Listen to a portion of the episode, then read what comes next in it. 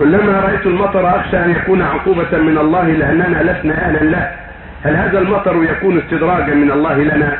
نرى أنه ليس هناك أمر بمعروف ولا نهي عن منكر.